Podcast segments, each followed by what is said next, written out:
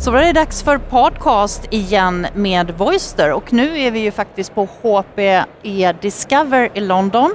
Och här som på alla andra ställen så pratar man om GDPR and uh, with me I have David Camp, uh, GDPR specialist, HPE and also Mikko Värlina som är detsamma då på Atea, säkerhetsutvecklare. So David, what is the biggest issue about GDPR right now? I would say it's senior management understanding of the impact of the General Data Protection Regulation. They, this particular regulation came into effect in April and it will come into force in May of 2018. The biggest issue I see is that senior management, the C level in companies, is not realizing both the uh, negative impact of not abiding by the regulation, but also not being aware of the positive benefits that can arise from uh, being compliant. Yeah, and Mikko, you listened to David this morning, and Yeah. you had some takeaways from the lecture. Yeah, yeah absolutely. And uh, one interesting takeaway was that you saw that there was some driving forces behind GDPR compliance. You, Exactly. Um, the starting point is, if you really want to go way back, is to, um, if you like, the United Nations after the Second World War, human rights, etc. And indeed, there was a 1995 directive of the European Union which actually safeguards a lot of rights in relation to the security uh, and safeguarding of the personally identifiable information, or PII, uh, of citizens. The purpose of this new regulation is to harmonize the standards across all the uh, European Union countries. The thing to bear in mind is that, first of all, it applies to any organization. And indeed, I found in Norway and Switzerland particular interest uh, in this. Why? Because of the volume of information that uh, is gained from actually doing business in the uh, EU area. And that is why Norway and Switzerland, and indeed the United Kingdom after Brexit, can be expected to translate this regulation into their own statutes.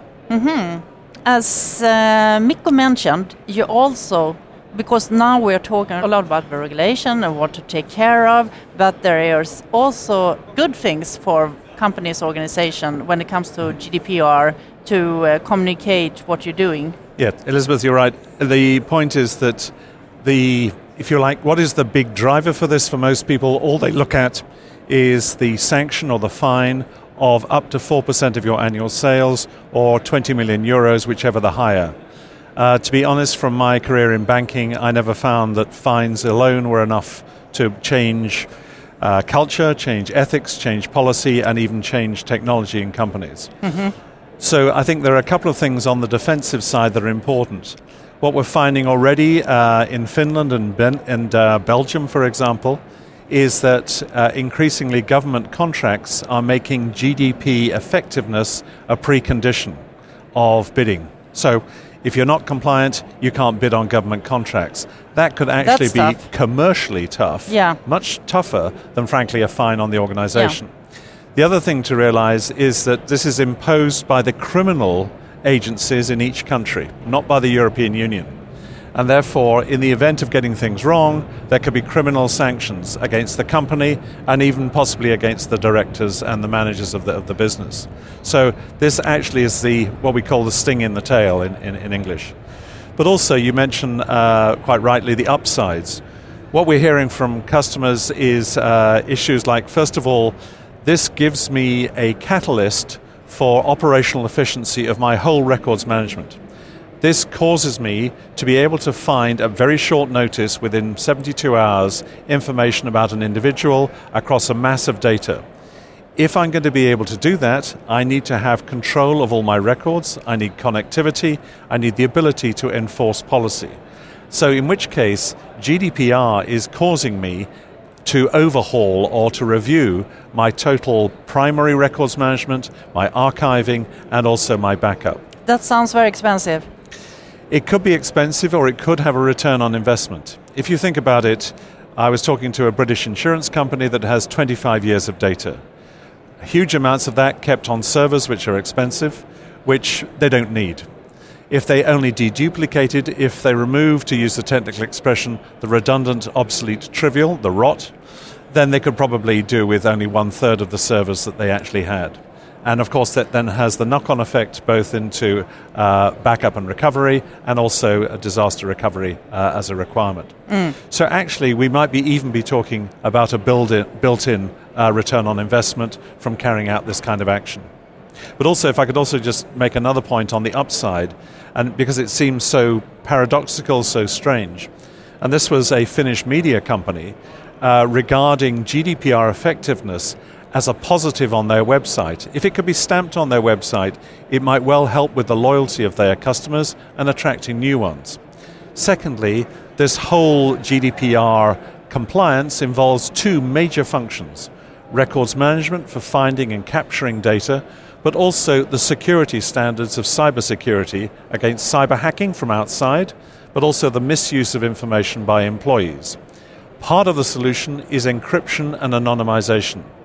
So, what this company said, and this was even the chief privacy officer, no one near the commercial side of life, you would think, she said, if only uh, because of GDPR we had to anonymize this information, it would make it so much easier to mine for new products, new services, new subjects, new topics, etc. Mm-hmm. So, actually, it's about the money. There's even a revenue capability. Um, Mikko, so what do you say about this? Could you see a business case absolutely, absolutely. Uh, but I, I, I, do see some uh, uh, hurdles ahead. Uh, one is with the new role, DPO. Uh, what uh, what do you think about it? Well, the requirement is for any organization with more than 2,000 employees to have a data protection officer. The trouble is, according to the Financial Times of March of this year, there are 28,000 that don't exist but are needed. And it's not an obvious role. You could say it's something to do with compliance, something to do with audit. But these people just don't exist. And what we're uh, doing is we're actually finding that there are uh, IT companies, there are law firms which are carrying out or creating academies for, for data protection officers because they simply don't exist. Where we're coming in is I'm personally writing a module on the technology assistance for a data protection officer handling information particularly in the situation of a large corporation wanting to outsource data to a third party and making sure that that third party abides by the same standards of compliance as the primary client. Mm-hmm. The point is that there are enough laws anyway in every country, including all the Nordics, because I've discussed it with these law firms.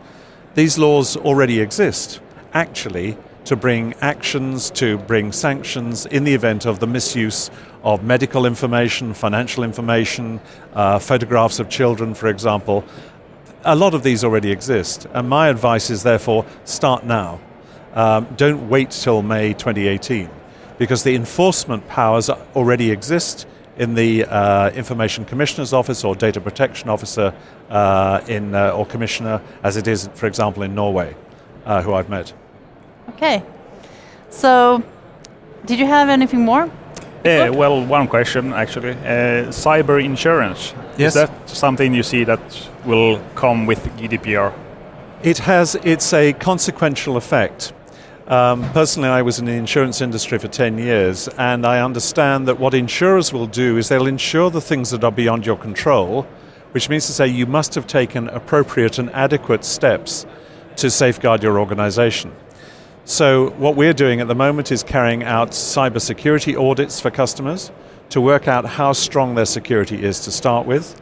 Because what the insurance companies are doing is they're saying to a customer who says, I want cyber cover, the, one of the major reinsurance companies in the world is saying, go and talk to HP, get them to do uh, an audit for you, and then we've, when we've worked out what you have already in place, then we will uh, provide the insurance.